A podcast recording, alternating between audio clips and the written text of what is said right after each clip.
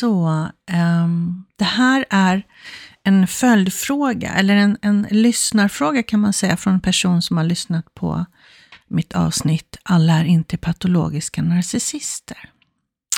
Den här personen skrev till mig um, och kortfattat så handlar det om att man misstänker, eller har nästan varit övertygad om, att det är en narcissist man lever med. Men så när man lyssnar då på det jag säger, att det finns någonting som heter ett försvarssystem och svekets sår, där man, när det såret triggas, när man känner sig sviken, ehm, eller någonting som påminner om det, så kan man agera som en narcissist. Ehm, och då började den här personen tänka om. Kan det vara så att det inte handlar om en patologisk narcissist som jag lever med? Tänk om det går att läka så man kan fortsätta leva tillsammans. Så men hur vet jag det? Lite så. Så ja, hur vet man det? För det första så vill jag påminna dig om din magkänsla. Den finns där och den brukar göra sig hörd. Sen är det inte alltid du kanske vågar lita på den. Men jag vill verkligen uppmuntra dig till att göra det. Och lite olika sätt att ta reda på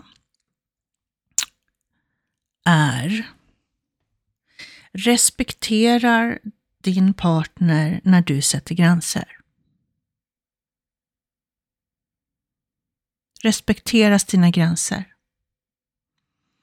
Eller får du om och om och om igen påtala dina gränser?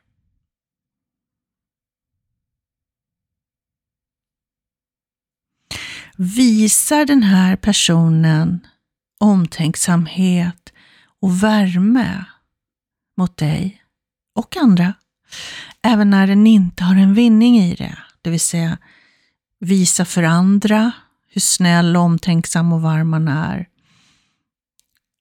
Um, utan att den bara gör det från hjärtat.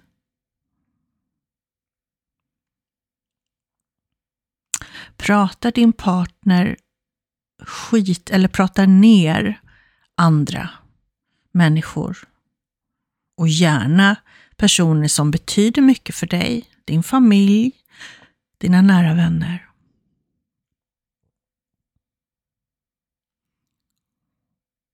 Är din partner kontrollerande?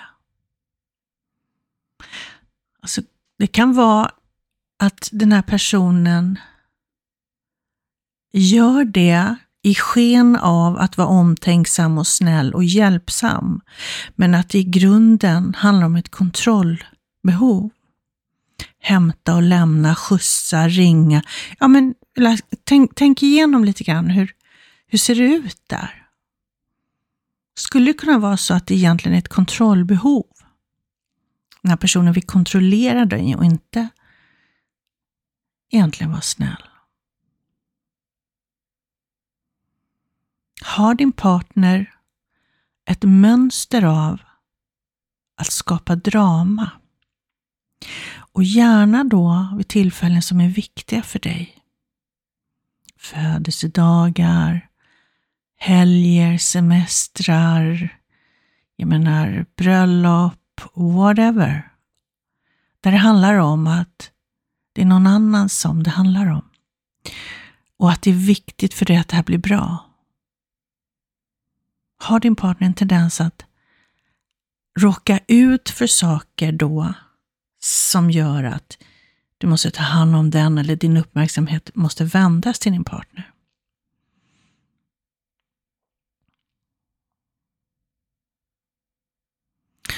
För så här är det att narcissister respekterar inte gränser.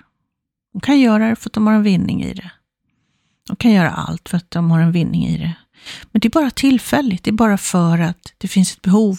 Antingen så behöver du lugnas eh, eller ja, något annat. De gör alltid saker för sin egen skull. Även om det kanske ter sig omtänksamt och snällt. Men det där kan man se igenom om man bara är medveten. Och narcissister pratar gärna ner andra. Pratar illa om eller ja, pratar ner dem.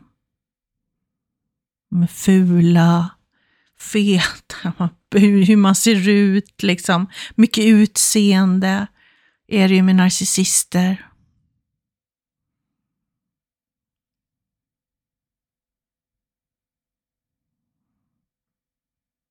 En person med svekets sår, som inte är patologisk narcissist, där triggas den av sina trauman från uppväxten. Så att den kan vara jättevarm, omtänksam, fullt fungerande på liksom många olika plan och tillfällen och scenarios i livet, platser. Men när det här, där den känner sig sviken eller rädd för kanske bli sviken, eh, där triggas det. Så det triggas liksom, det finns ett mönster av att det triggas. Medan patologiska narcissister, de använder andra människor för sin egen vinning, så att säga. Ganska stor skillnad i det. Patologiska narcissister kan lura oss genom att visa empati, medan det egentligen är inte känslomässigt utan det är rent logiskt. De förstår att så här gör man i sådana här lägen. De är ju ofta väldigt smarta. Men de har inte känslan för det. Så där vill jag ju slå ett slag för din magkänsla. Försök att känna in på den. Ofta finns det också en kyla hos patologiska narcissister. Det finns också en... Eh, du kan inte känna dig trygg. Det är en falsk trygghet för att det är utifrån den, hur den personen mår. du kan till exempel göra en sak på ett sätt och, och du får världens utskällning eller ogillande för att du gjorde det där, när du gjorde det eller hur du gjorde det eller på något sätt var det fel. Medan du kan göra det där en annan gång och då är det jättebra. Så det finns liksom aldrig någon röd tråd. Det finns aldrig egentligen en, en önskan om att du ska kunna göra någonting rätt, utan allting handlar ju om narcissisten. Har den fått tillräckligt? Eller behöver den skapa ett drama här? Behöver den trycka ner dig? Behöver den ta din energi? Är du för glad? Är du med? Det, det, det är som att det finns en, hmm, man vet aldrig känsla. Man vet aldrig. Man är aldrig tillräckligt, eller man kan aldrig känna sig så här avslappnad fullt ut. Det är för stunden. Det är inte så att du kan du tillåts vara fri och vara du och kunna uttrycka dig på det sättet du vill, när, var och hur och vara du. Du blir alltid felgjord på något sätt när det gäller patologiska narcissister. Med det menar jag att det finns inte en trygghet, det är en falsk trygghet. Tänk att du kan uppleva det tryggt. Det här nu kanske jag snärjer in mig i det här med trygghet. För att det du upplevde som barn, det du gick igenom, det du hade i din närhet. När du möter det, den energin, vi säger att du hade en patologisk narcissistisk förälder. En dold narcissist. Och så möter du en sån partner Och direkt så får du den här, den bekräftar dig. Åh, oh, soulmates, du, jag har aldrig träffat någon som du, jag har aldrig känt så här som du. Och du vet, bara sugs in där. Och i den energin som den patologiska narcissisten har i, i sitt sätt att bekräfta det och så, så känns det ju så tryggt.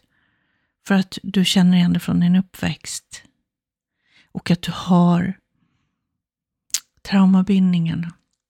Att du har ett behov av det här med varmt och kallt. Och det är som ett beroende. Varmt och kallt, av och på. Det blir liksom som en kick när, det, när allting är bra, när du blir bekräftad, när, när det är lugnt, när personen älskar dig. Husch, då frigörs alla de här kemiska substanserna i din kropp och du bara uh, kan slappna av. Och sen börjar det igen. Det är ju traumabindningen. Så, och allting handlar om att komma ner i dig själv, lyssna på din känsla, lyssna på din magkänsla, lyssna på din inre röst. Släpp det logiska för en stund och bara känn in.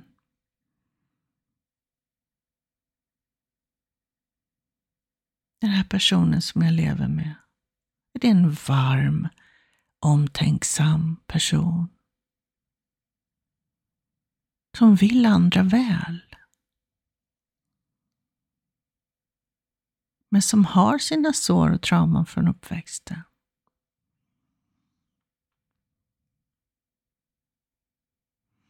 Eller är det så att det är inte helt tydligt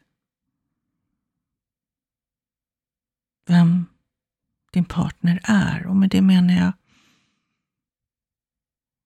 det kanske säger en sak och gör en annan. Så skapa lite förvirring i dig som gör att du tvivlar. Då vill jag att du ska skriva ner, skriv ner vad din partner säger och skriv ner vad den gör. För den här gaslightningen som får oss att tvivla på oss själva, den är förödande. Så du behöver börja lita på din egen inre röst, dina egna känslor och inte på vad andra säger om dig.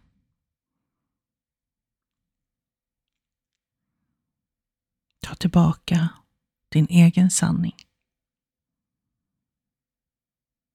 Det som är sant för dig.